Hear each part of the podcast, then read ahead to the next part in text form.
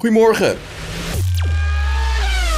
Het lijkt erop dat Charles Leclerc komend weekend voor het eerst dit seizoen van motor gaat wisselen. Niet uit noodzaak, maar vanwege strategische overwegingen richting het weekend in Miami.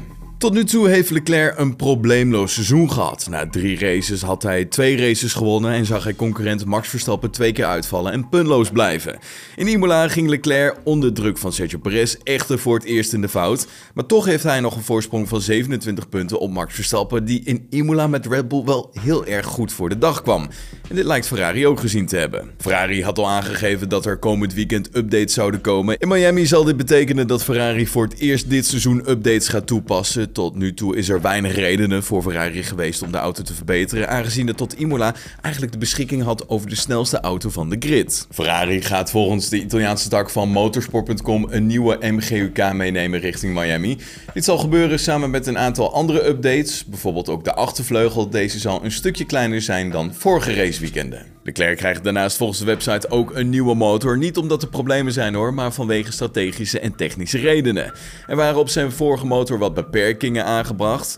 Maar goed, aangezien de prestatie en de betrouwbaarheid van de auto van de afgelopen raceweekenden, ja, heeft het wel laten zien dat dit niet nodig is. En zijn deze beperkingen nu door Ferrari weggehaald. Goed, de motor van de eerste vier races kan nog wel gewoon door Leclerc gebruikt worden tijdens bijvoorbeeld trainingen. Ook zullen er nog meer updates volgen, zoals onder meer de ECU en de batterij. En dit moet allemaal gebeuren voor de deadline in september, die vastgesteld is door de FIA.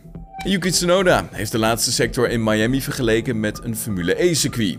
Het Formule 1 circus reist dit weekend af naar Miami voor de eerste Grand Prix van het jaar op Amerikaanse bodem. Het circuit rondom het Hard Rock Stadium is speciaal voor de Formule 1 ontworpen. En het doet sommige rijders een beetje denken aan de baan in Saoedi-Arabië, maar de Alfa Tauri-coureur vergelijkt het met een Formule E-circuit waarbij er veel krappe en smalle bochten zouden zijn. Ik heb de baan op de simulator gereden en de eerste twee sectoren zijn vrij snel met een aantal middelhoge en hoge snelheidsbochten.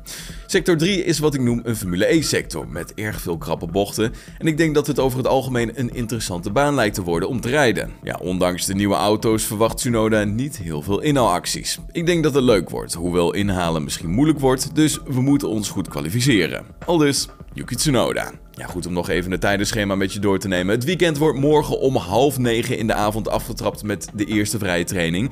En om half twaalf is het dan tijd voor de tweede oefensessie. Zaterdag is het tijd voor de derde en laatste vrije training om 7 uur in de avond.